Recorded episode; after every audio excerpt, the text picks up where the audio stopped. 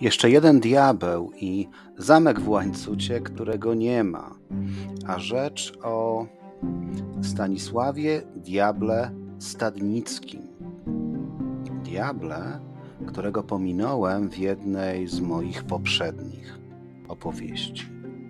A historia będzie ciekawa.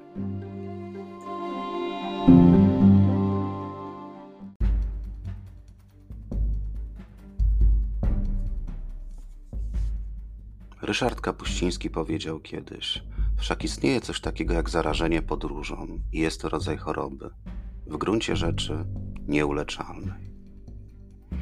Będzie to podcast o podróżach do miejsc niedalekich, o bogatej historii Polski i regionu, o miejscach osiągalnych dla każdego i o moich przemyśleniach w historycznych miejscach. Zapraszam, Marcin.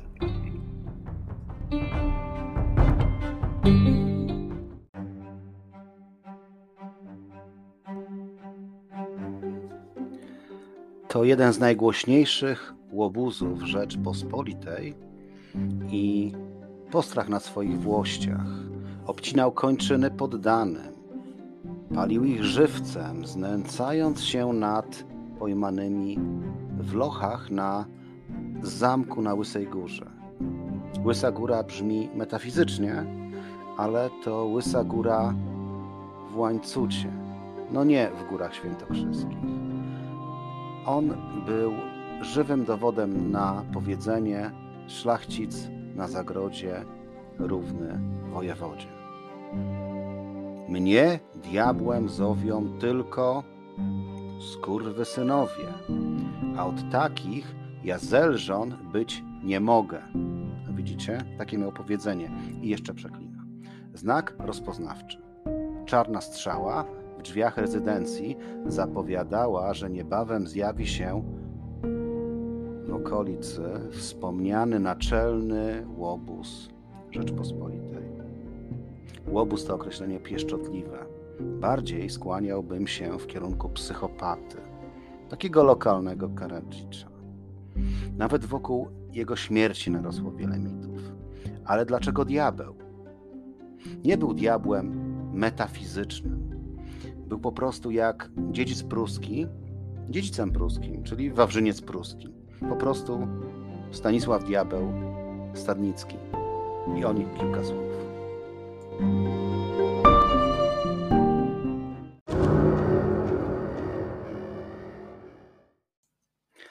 Nasuwa się pytanie, kim był rzeczony diabeł?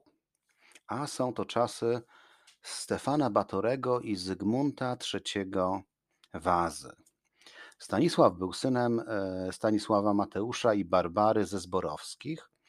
Co ciekawe, kalbinistą. Dobrze, że nie Arianinem, bo jakby przyszło mu mordować drewnianą szablą, to ofiary by cierpiały bardziej.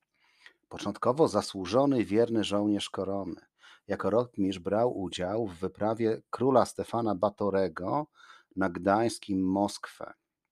Niby dostał od króla starostwo w Inflantach, jednak kasa mu się nie zgodziła i jego urażone ambicje e, były takie, że nie został doceniony, co po wojnie spowodowało, że wyjechał na Węgry, gdzie służył w obcej armii, a to zawsze był obciach. Służył w obcej armii cesarza Rudolfa II i walczył przeciwko Turkom. Chyba tam, tam zasmakował we krwi. A cesarz Rudolf to był taki dziwny człowiek. On wszędzie, gdzie się nie wychylił, dostawał bęcki. Co więcej, e, miał jakieś takie dziwne e, trendy, żeby poszukiwać świętego grala, konstruować golema, którego się ożywi. Także nieźle poprytany kolega się trafił Stanisławowi. W czasie konfliktu o koronę polską pomiędzy Zygmuntem III Wazą i Maksymilianem Habsburgiem Zdrajca poparł arcyksięcia Maksymiliana. W sumie, z jego punktu widzenia, na dobre mu to wyszło, bo kiedy przez jakiś czas przebywał na Śląsku, poznał swoją przyszłą żonę Annę Ziemięcką, dekując się u jej, u jej ojca. E, był oficerem po stronie austriackiej w oblężeniu zamku Olsztyn koło Częstochowy. Mm, moim zdaniem wtedy już powinien być wysłany na eksport lub w krainę wiecznych łowów, jednak to Rzeczpospolita szlachecka, tolerancyjna i wszystko jest możliwe. A z kolei Maksymilian Habsburg to postać bardzo mało pozytywna. Mam go w notatkach do kolejnych podcastów o Śląsko-Opolskim, mianowicie o Krzyżakach w Namysłowie i bitwie pod Byczyną, w której dowodził Jan Zamojski. Pozdrawiam znowu mojego kolegę Piotra, zwanego Józefem, bo trochę o Zamojskim opowiem. Teraz lub kiedyś. Ten Maksymilian długo szukał roboty w całej Europie, aby zostać, uwaga, krzyżakiem. Ale to naprawdę jest temat na inną opowieść. A Stadnicki nie tylko palił, yy, czy też mordował, ale też politykował i to na poważnie. Był posłem, a w roku 1606 nawet przyłączył się do Rokoszu Zebrzydowskiego, kiedy to szlachta zbuntowała się przeciwko królowi Zygmuntowi III po śmierci Jana Zamojskiego. Trochę wcześniej, w 1586, przejął za długi od Anny Sienińskiej miasto Łańcut i tam się osadził. No dobra, ale wróćmy do tego 1606 roku, gdzie po śmierci e, Jana Zamojskiego wybucha w kraju rewelia, bo Zamojski w sumie nie był wielkim e, przyjacielem Zygmunta, natomiast tę całą szlachecką cybil bandę trzymał w ryzach. Umarł i stało się. Buntownicy podejrzewali króla o wprowadzenie dziedziczności tronu i po części absolutyzmu. Więc wojna, czy też rokosz nieźle zagorzał, a diabeł swój łańcuch przemienił w koszary, budząc postrach wśród chłopów i szlachty, tej szlachty, która nie przyłączyła się do buntu. Ponoć w lochu przetrzymywał setki więźniów, których sam torturował, znaczy osobiście torturował, lub za pośrednictwem innych wydawał na tortury. Na szczęście dla kraju pod Guzowem, gdzie Stadnicki był jednym z dowódców, a to jest chyba 5 lipca 1607 roku, wojska królewskie pokonują Rokoszan. Ale niestety mamy Rzeczpospolitą Szlachecką i postępki Rokoszan są rozgrzeszone. Antybohatera tej właśnie opowieści yy, zgubiła wojna z sąsiadem, a pecha diabłu, pecha, który sprowadzi na niego śmierć, przyniósł ponoć karzeł. Karny, karły w owych czasach były ozdobami dworów. Obrzydliwe to, ale prawda, takie maskotki. Jego sąsiad, starosta leżajski, Łukasz Opaliński, podarował sąsiadowi z Lachowic karła, e, znalezionego w swoich dobrach. Stadnicki, który z Opalińskim był w konflikcie, porwał karła na łańcuch. E, starosta leżajski uznał to za zniewagę i zaczęła się wojna. Ale inna, chyba prawdziwsza historia głosi, że poszło o jarmark na dzień świętego Wojciecha w Rzeszowie z karawanami kupieckimi z całej Europy, gdyż już za czasów Jana Olbrachta e, łańcut uzyskał przywilej podobny, na podobny jarmark. Dwa dni później, po świętym Wojciechu, na dzień świętego Marka. Więc oba miasta rywalizowały o wpływy e, za sprawą redukcji opłat handlowych. To była ewidentna wojna ekonomiczna, której efektem było wystaranie się przez starostę rzeszowskiego Mikołaja Spytka zniesienie jarmarku w łańcucie. Kasa odjechała, a Stanisław Diabeł Łańcucki zaczął ewidentnie się wkurzył, więc zaczął przechwytywać w łańcucie kupców zdążających do Rzeszowa, między innymi z Wołoszczyzny i Mołdawii, z dzisiejsza Rumunia, i zmuszał ich do wystawiania towarów w swoich mieście. Jednak jak wojna, to wojna. E, więc znowu panowie się zaczęli tłuc, albo już się panowie zaczęli tłuc. E, w bitwie e, pod Łukowem tak naprawdę w listopadzie 1607 roku stoczoną regularną bitwę, bitwę taką wojenną, którą wygrał Stadnicki, plądując potem zamek e, Opalińskiego w Łące. Opaliński poczekał do wiosny i zajął z kolei Łańcucki zamek, puszczając go z dymem, a tym razem uwolnił z lochów więźniów. Uwolnieni z lochów więźniowie e, plądrowali oko, okoliczne wsie, gwałcili, palili, zabijali. Utarło się nawet powiedzenie w ówczesnej Rzeczpospolitej: e, Opaliński diabła pobił, a piekło spalił. Jednak diabeł ocalał, więc Opaliński go nie docenił. W 1609 roku podczas Sejmu w Warszawie Diabeł z łańcuta publicznie odczytał przeprosiny za swoje grzechy, po czym uzyskał przebaczenie. No ale co tam przebaczenie? Gdy wracali z Warszawy, wraz z oddziałem zaatakował gospodę, w, którą przebywał, w której przebywał Opaliński. Opryszki obu szlachciców tłukli się długo na ulicach Lublina. Ostatnią bitwę pod Tarnawcem w sierpniu 1610 roku e, przegrał definitywnie diabeł z Opalińskim, bo zginął w odwrocie, a wraz z nim około pół tysiąca jego siepaczy. Gdy ukrywał się w lesie, nieostrożnie wychylił się z zakłód drewna. Został dostrzeżony przez kozaków Opalińskiego.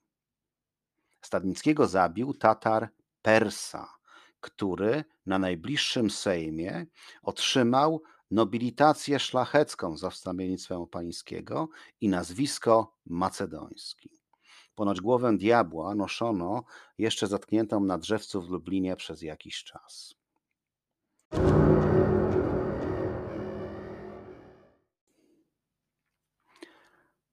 A zamek, zamek diabła Stadnickiego, Zamek w Łańcucie, czyli zamek na wzgórzu plebańskim lub jak kto woi na Wysej Górze już niestety nie istnieje. Początki zamku sięgały średniowiecza. E, nawet szczęśliwie budowla ta oparła się dwukrotnie najazdowi Tatarów na początku XVI wieku. Istniał do 1609 roku i przypuszczalnie został zniszczony przez pamięć, niech lubą mnie pamięć po niesławnym właścicielu. W jego miejscu powstała plebania łańcuckiej Fary, czyli e, kościoła świętego Stanisława biskupa. Ciekawe, zdrajcy, który został świętym tylko dlatego, że zabił go Bolesław Śmiały. I to jest dobry temat na którąś z kolejnych opowieści. Fara początkowo miała wezwanie świętej Barbary, kiedy to wzniesiono ją w XV wieku. Sto lat później przekształcono świątynię w świątynię protestancką, a odzyskana została przez katolików w połowie XVII wieku. W międzyczasie udało jej się spłonąć. Uroczy, urocza mieszanina stylów, no i słynie z cudownego obrazu. Łańcut jest wart odwiedzin ze względu na inny zamek, zamek lubomirskich i potockich, o ciekawej wręcz pokręconej historii. Jednak nie lubię opowieści o polskiej magnaterii, więc na pewno znajdziecie przewodników, który, którzy was po zamku oprowadzą. Może jak mi się skończą tematy, to znajdę czas na ciekawe opowieści o polskich magnatach. Na pewno kolejnymi ciekawymi obiektami w łańcucie będą rzeczy pożydowskie, takie jak synagoga czy stary cmentarz żydowski. A w łańcucie, jako okolicznej Rakszawie, bywałem przy okazji widyc służbowych u producentów dwóch różnych wariantów etanolu w dwóch różnych stężeniach. Dlatego informuję, że znajdziecie tam również Muzeum Alkoholu. Ekspozycję umieszczono w klasycystycznym XIX-wiecznym dworku, dawnej siedzibie Komisariatu Dróbr Łańcuckich. I tam dowiecie się na przykład, co to są rosolisy. No niecierpliwie mogą e, użyć do tego wyszukiwarki internetowej. Kawałek za bańcutem zobaczycie. Uwaga, gotycki drewniany kościół we wsi Blizny. Kościół jest z połowy XV wieku i przetrwał. Wpisany wraz z innymi drewnianymi kościołami Podkarpacia na listę Światowego Dziedzictwa UNESCO. We wnętrzu znajduje się nawa, prezbiterium i wszystko jest w obłędnej kolorystyce. Kościół naprawdę wart zobaczenia.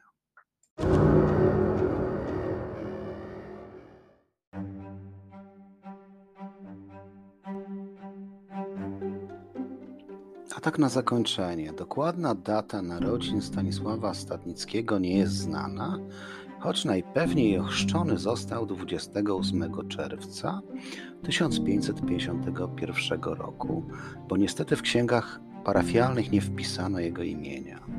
Chrzest odbył się w Dubiecku, w kościele luterańskim, przez pastora Wojciecha z Iłży.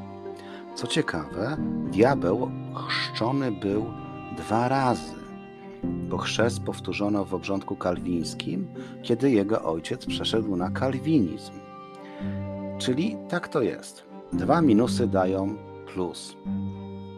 I nawet dwa chrzty nie pomogą, gdy ktoś się diabłem rodzi. A tak na koniec pomyślcie, po co było się tak tłuc? Tych 500 żołnierzy potrzebowała Rzeczpospolita, ale dobrze wiecie, jak było.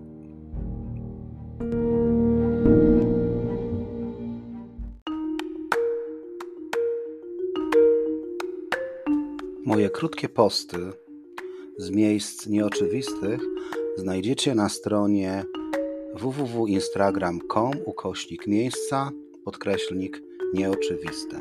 Mam też stronę podcastu www.facebook.com ukośnik nieoczywiste miejsca. Jeśli któryś z postów wart jest podcastu, po prostu napiszcie na adres dom w Dawidach małpa gmail.com. Zapraszam do kontaktu.